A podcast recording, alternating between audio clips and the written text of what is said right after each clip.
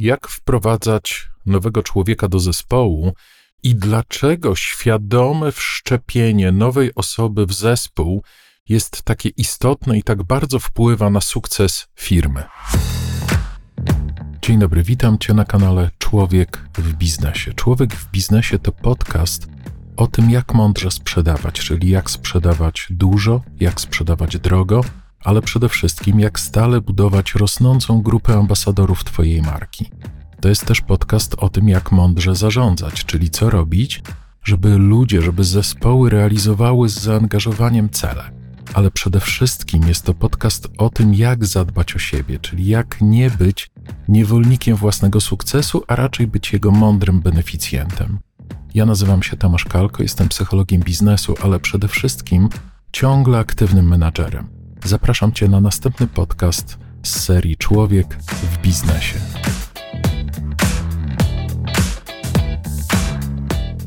Zaczynam pracę w nowej firmie.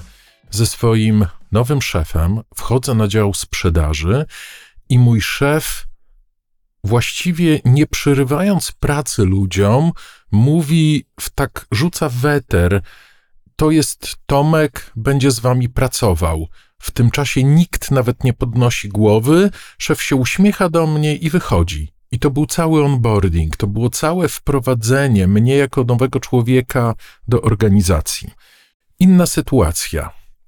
Człowiek, handlowiec popełnia bardzo poważny błąd. Błąd, który kosztuje firmę bardzo dużo pieniędzy. W trakcie sprawdzania, co zaszło, okazało się, że handlowiec nie miał świadomości pewnego procesu, który był dla wszystkich oczywisty, i nagle wszyscy mają kompletne zaskoczenie. Ale przecież to wszyscy wiedzą, przecież to jest takie jasne i oczywiste. Dlaczego taki błąd? Odpowiedź jest bardzo prosta, dlatego że nikt temu człowiekowi tego nie powiedział. Było to tak oczywiste dla wszystkich, że nikt nie przekazał temu człowiekowi tej wiedzy, tylko że on tego nie wiedział. I nagle się okazało, że coś, co dla wszystkich było oczywiste, dla tego człowieka było czymś absolutnie niejasnym, czymś, nad czym nawet nie mógł się zastanawiać, bo niby skąd. Firma straciła bardzo dużo pieniędzy. Jedna i druga historia to są historie o tym, jak nie wprowadzać ludzi do organizacji. Trochę powiemy o tym, dlaczego to świadome wprowadzanie ludzi do firmy jest takie ważne i o tym, jak ich wprowadzać, co robią duże, świadome organizacje, chcąc, żeby ludzie się nie zwalniali, żeby ludzie dobrze wypełniali swoją funkcję.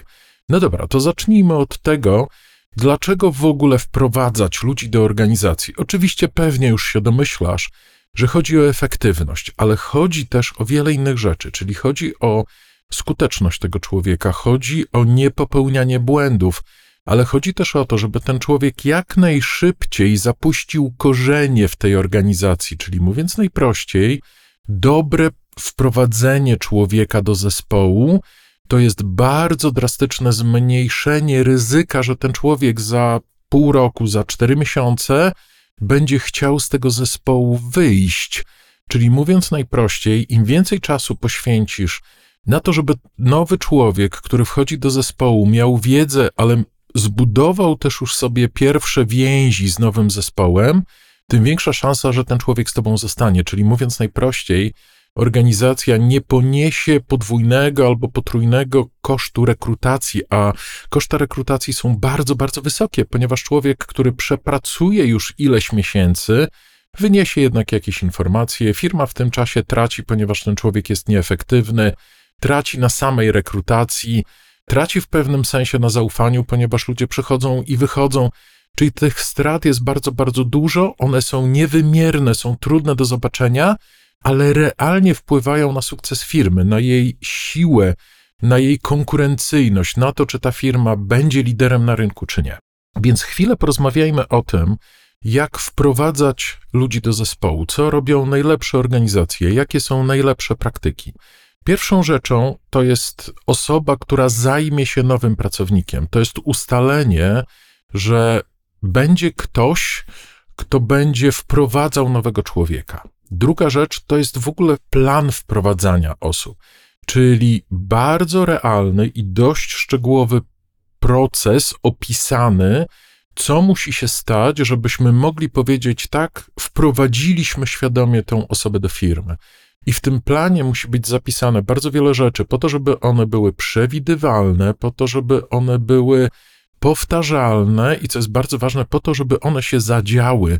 Dlatego, że jeżeli człowiek już jest w firmie od miesiąca, to część ludzi zaczyna traktować go jak jakiś element już stały. To jest właśnie ta historia, że człowiek popełnia błąd, wszyscy byli przekonani, że przecież no, on musi to wiedzieć, ponieważ w firmie to jest taka wiedza bazowa. No tak, ale jeżeli nie ma procesu, to się okazuje, że nikt mu tej wiedzy nie przekazał. Więc pierwszą rzeczą, jaką warto zrobić, to warto wyznaczyć osobę, która będzie wprowadzała nowego człowieka do organizacji. I teraz uwaga, bardzo ważne jest przeszkolenie tej osoby, żeby ta osoba rozumiała wagę swojej roli, żeby rozumiała, że to nie jest jakieś dodatkowe zadanie, które zabierze jej czas w jej efektywności, tylko że jest to bardzo ważna rola. Jeżeli taka osoba to jest osoba, która pracuje w jakichś systemach prowizyjnych, trzeba w jakiś sposób zabezpieczyć interesy tej osoby, ponieważ jeżeli ta osoba będzie pracowała w systemie prowizyjnym i dostanie dodatkowe zadanie wprowadzenia nowego człowieka, to uwaga, będzie robiła wszystko, żeby na to poświęcić jak najmniej czasu i przekierować swoją uwagę na działania, z których ma prowizję. Więc jeżeli to będzie coś, co będzie zabierało tej osobie uważność, trzeba wynagrodzić to tej osobie. Następna ważna rzecz, która jest dość zaskakująca, to jest ilość czasu, którą trzeba na to poświęcić. Najlepsze organizacje twierdzą, że dobry onboarding trwa od miesiąca do trzech miesięcy, czyli że to wprowadzanie człowieka do firmy trwa nie dzień, dwa, trzy, tylko trwa co najmniej kilkadziesiąt dni.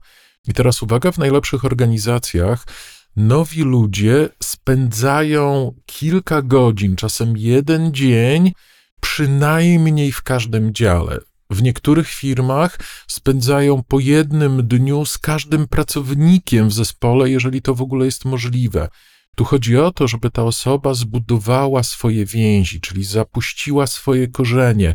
Mówiąc trochę też najprościej, zaprzyjaźniła się z jak największą ilością osób, ponieważ im więcej będzie tych znajomości, przyjaźni, relacji, tym ta osoba będzie chętniej szła do pracy. Do tego dochodzi zwykły mechanizm. Chodzi o mechanizm świadomości, do kogo idę z danym problemem. Jeżeli ja ludzi nie znam, a ludzie nie znają mnie, a to dość częsta historia, że się wchodzi z człowiekiem do pokoju, gdzie pracują osoby zajmujące się na przykład projektami. I ktoś, kto źle robi ten onboarding, mówi: O, to jest nasz nowy kolega, to jest pani Ania, pani Zosia, pani H. I tak przedstawia 12 osób. Nie ma najmniejszej szansy na to, żeby człowiek który przywitał się z pięcioma, sześcioma, a już na pewno kilkunastoma osobami, zapamiętał cokolwiek, imiona. To jest właściwie stracony czas. Czyli ten onboarding w ogóle nie został zrobiony. Można tego w ogóle nie robić, ponieważ efektywność tego jest dosłownie zerowa. Po dwóch dniach ani te osoby w tym pokoju nie będą pamiętały, że ktoś był i ktoś się witał, ani ten nowy człowiek nie zapamięta żadnego imienia tej osoby. Więc jeżeli ten onboarding ma być rzeczywiście sensowny, to teraz w tym mikrozespole znowu musi pojawić się ktoś, kto będzie odpowiedzialny za wprowadzenie tego nowego człowieka. I teraz trzeba się zastanowić, czy jest sens, żeby na przykład handlowiec spędzał dzień z każdą osobą w księgowości. Pewnie nie. Ale z kolei sensowność tego, żeby ten człowiek przepracował w tej księgowości dwa lub trzy dni, spędzając z każdą osób około godziny co najmniej, po to, żeby w tym czasie można było chwilę porozmawiać, usłyszeć, aha, ja jestem Dorota, mam jakąś historię, czymś się zajmuję, za coś jestem odpowiedzialna, to w tym momencie to już jest to tworzenie więzi, to już jest to tworzenie relacji. I teraz w tym zespole znowu musi być ktoś, kto będzie świadomy tych procesów, kto będzie rozumiał, dlaczego te procesy są ważne, jak je przeprowadzać. Więc to znowu następna ważna rzecz. Jeżeli mamy człowieka do wprowadzenia, mamy onboarding, to uwaga, każdy w zespole musi wiedzieć, dlaczego ten onboarding jest ważny i jaka jest rola tego onboardingu. Czyli ci ludzie muszą też rozumieć, dlaczego poświęcenie dla tego dziwnego człowieka, który właściwie przeszkadza w pracy, jest ważne. I to jest to, co powoduje, że jeżeli osoba przejdzie przez działy, pozna ludzi, zacznie rozumieć, jak przepływają procesy, jak działają te procesy, do kogo się idzie z, mm, nie wiem, dokumentem z delegacji, do kogo się idzie z projektem, że ten człowiek, do którego się idzie z projektem, to nie jest jakaś postać, której ja się boję, tylko ja już ją poznałem, już wiem, że to jest Andrzej i wiem, że ten Andrzej lubi chodzić po górach albo jeździć rowerem, to już idę zupełnie z czym innym do kogoś nowego. Oczywiście to jest początek budowania relacji, ale on się już zaczął, ktoś mi w tym pomógł. No i teraz równorzędnie musi iść realny proces szkoleniowy, i to proces szkoleniowy przygotowany dużo głębiej niż proces szkoleniowy, który się często przeprowadza gdzieś dla klientów, dla handlowców. W najlepszych organizacjach taki rzetelny proces szkoleniowy przeprowadza się nawet dla sekretarek.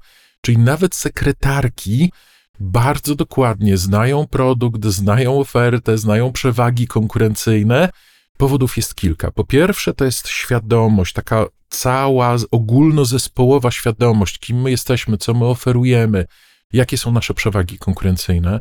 To jest ta świadomość, że najtańsze rekrutacje to są rekrutacje wewnątrz zespołowe. To znana historia. Jeżeli szukasz nowego pracownika, a masz zespół 20, 30, 40 osobowy, zacznij go szukać w swoim zespole, dlatego że awanse wewnętrzne są bardzo skuteczne, wiążą ludzi z firmą. Oczywiście jest w nich jakaś słabość. Jeżeli bierzesz człowieka z zewnątrz, to możliwe, że weźmiesz też jakieś zewnętrzne kompetencje, ale ryzyko nietrafienia jest dużo wyższe. Jeżeli bierzesz ludzi od środka i awansujesz tych ludzi, rozwijasz ich, to oni już się nie muszą uczyć organizacji, nie muszą się uczyć produktu, muszą się uczyć ewentualnie tylko tego, co na zewnątrz, czyli tych nowych obowiązków, które będą pełnili.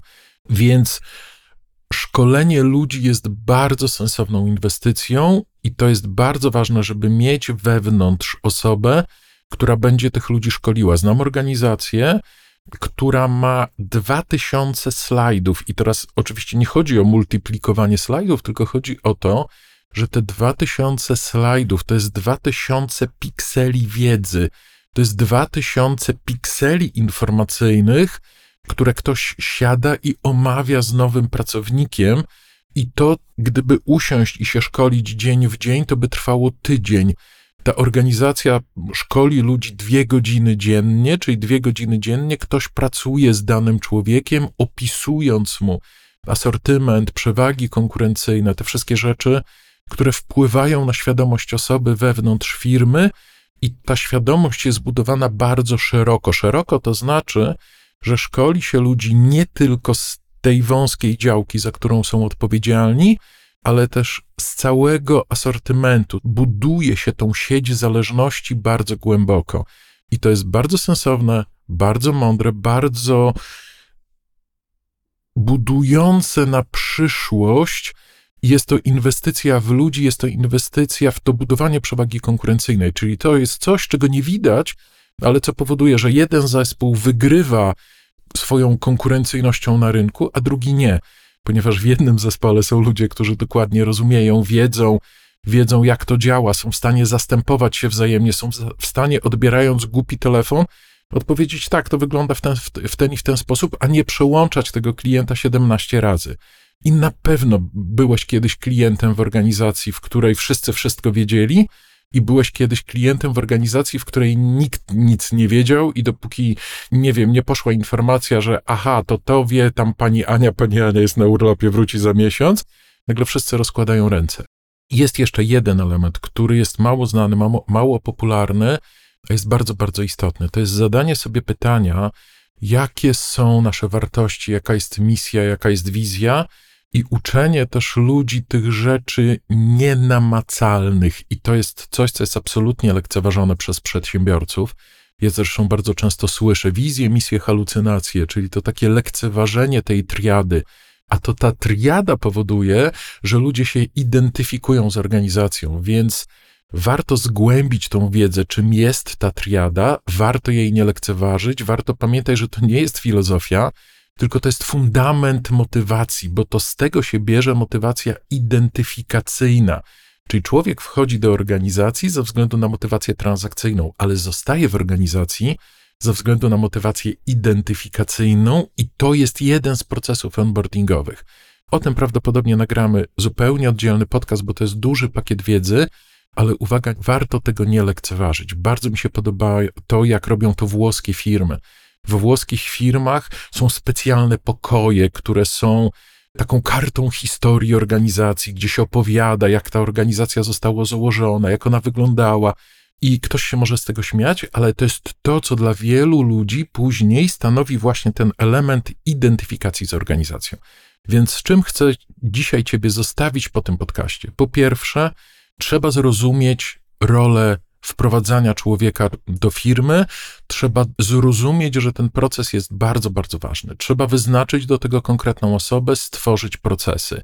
Trzeba na to poświęcić dużo czasu, trzeba szkolić ludzi bardzo szeroko, dzieląc się wiedzą i nie zapomnieć o tym elemencie identyfikacji z firmą. Tak powinni być wprowadzani nowi pracownicy, tak powinno się wszczepiać człowiekowi kulturę danej organizacji w tych pierwszych kilkudziesięciu dniach bycia w nowym zespole.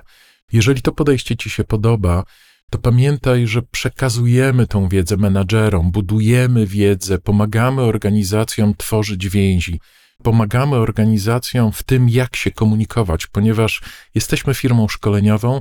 Jeżeli czujesz taką potrzebę, jeżeli widzisz potrzebę w tym, żeby przekazać wiedzę na temat przywództwa dla swojego zespołu liderów, na temat talentów wewnątrz zespołu albo komunikacji, to pamiętaj, że tym się właśnie zajmujemy. Jeżeli masz taką potrzebę, zapraszam do kontaktu. Ja nazywam się Tomek Kalko i zapraszam Cię do następnego podcastu Człowiek w biznesie. Dziękuję Ci za wysłuchanie podcastu. Jeżeli to wszystko, o czym opowiadam, jest zgodne z Twoją wizją biznesu, z Twoimi wartościami, i widzisz przestrzeń do tego, żebym wsparł Twój biznes w rozwoju, żebym podzielił się swoją wiedzą z Tobą lub z Twoim zespołem, to zapraszam Cię do kontaktu. biuro małpakalko.pl Bardzo Ci dziękuję za wysłuchanie podcastu. Tomasz Kalko.